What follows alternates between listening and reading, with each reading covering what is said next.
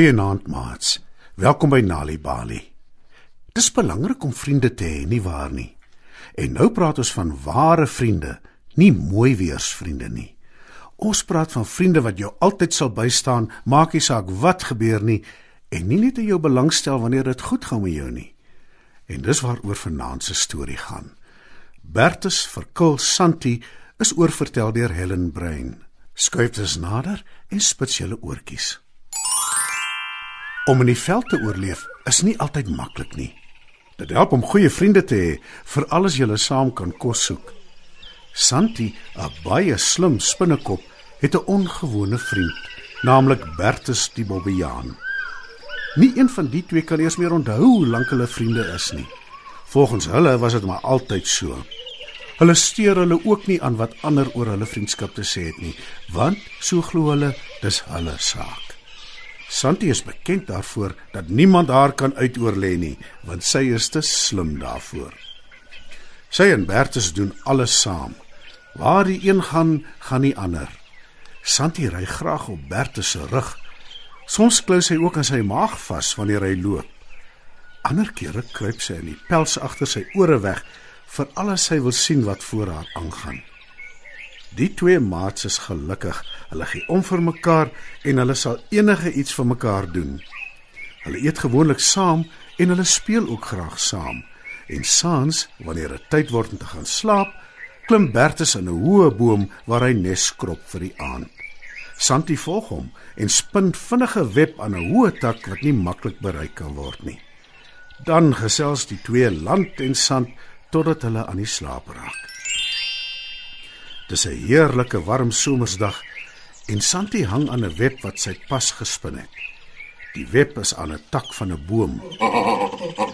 Santi kyk rond toe sy haar beste vriend Bertus die Bobbejaan hoor aankom.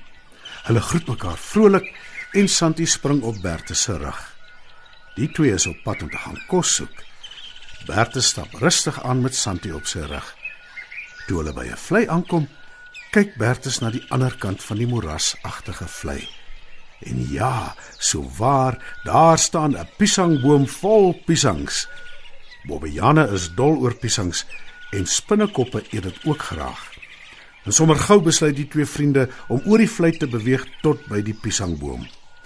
Bertus spring van rots na rots in die vlei en Santi klou vir 'n fale aan sy rug vas. In die middel van die vlei lê daar 'n padda en 'n skilpad in die son en bak op 'n klip.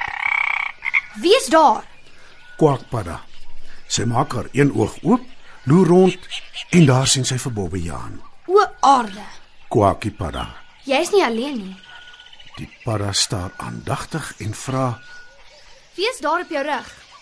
Bertus Bobbejaan verduidelik dis sy beste maat, Santi Spinnekop. En wat maak julle twee hier?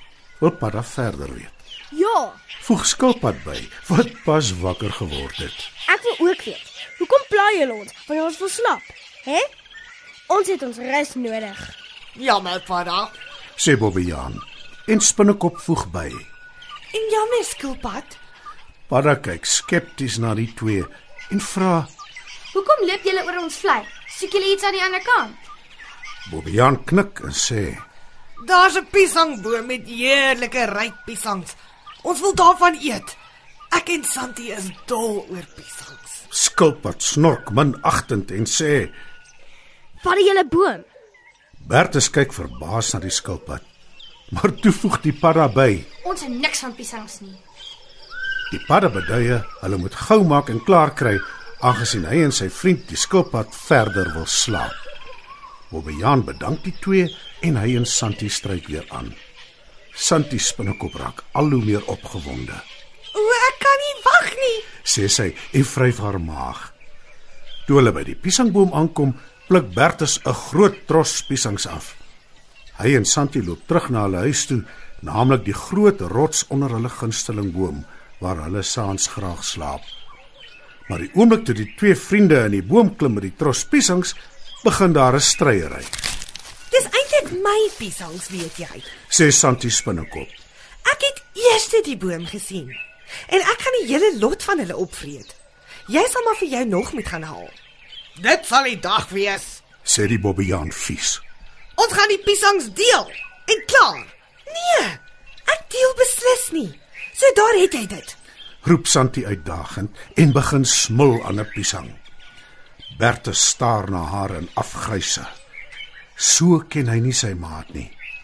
Hy kan nie dink wat aan haar ingevaar het nie, Jy's nie meer my maat nie. sê die bobbejaan hartseer. Jy is aaglig met my. Ek hou net mooi niks meer van jou nie. Lyk ek asof dit my pla, hè? Spot die spinnekop.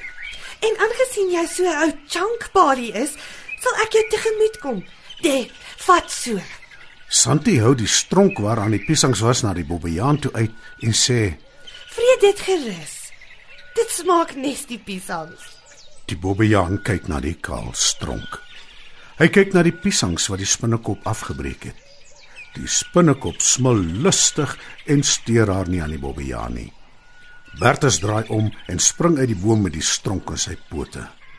Santi spinnekop lag lekker omdat sy hom so geflous het. Dom bobbejaan. Dink sy en sy vreet haar knippel dik aan die piesangs. Hierna sien die vriende mekaar nooit meer nie. Hulle praat ook nie meer met mekaar nie en hulle doen ook nie meer dinge saam nie. Toe op 'n dag wonder Santi hoe dit met haar eertydse vriend Bertus die Bobbejaan gaan. Dis darm nou al 'n geruime tyd nadat hulle verskil het oor die tros piesangs, dink Santi. Sy begin soek na Bertus en kort voor lank sien sy hom in sy nuwe huis. Dis 'n eislike groot ou boom en net langs aan groei 'n spik splinter nuwe piesangboom met heerlike ryp geel piesangs. Ongelooflik. Roep die spinnekop. Jy het jou eie piesangboom vol piesangs. Mag ek een kry asseblief? Bertus Bobbejaan kyk Santi spinnekop op en af. Toe sê hy koud. Nee. Santi kyk verbaas na Bertus en hy sê: Jy het jou deel gehad. Jy het al die piesangs opgevreet wat ons gaan pluk het en vir my net die stronk gegee waarin hulle gegroei het. Wel ek het dit geplant. En dis waar die piesangboom vandaan kom. Ek het nou baie piesangs, trosse en trosse daarvan. En jy kan nie een van hulle kry nie. Jou mislike ou bobbejaan. Roep Santi en swaai haar agt pote in die lug. Jy het my verkil. Nou het jy baie piesangs en ek het niks nie. Ek sal nooit weer met jou praat nie. En ek sal ook nooit weer my lippe aan 'n piesang sit nie. Die Bobbejaan lag net en herinner Santi daaraan dat sy eintlik haarself verkil het omdat sy so gulsig was om al die piesangs te vreet en vir hom net die stronk te gee. Dit maak Santi net nog meer kwaad en sy skree: Ek hoop jy juk vir die res van jou mislike lewe.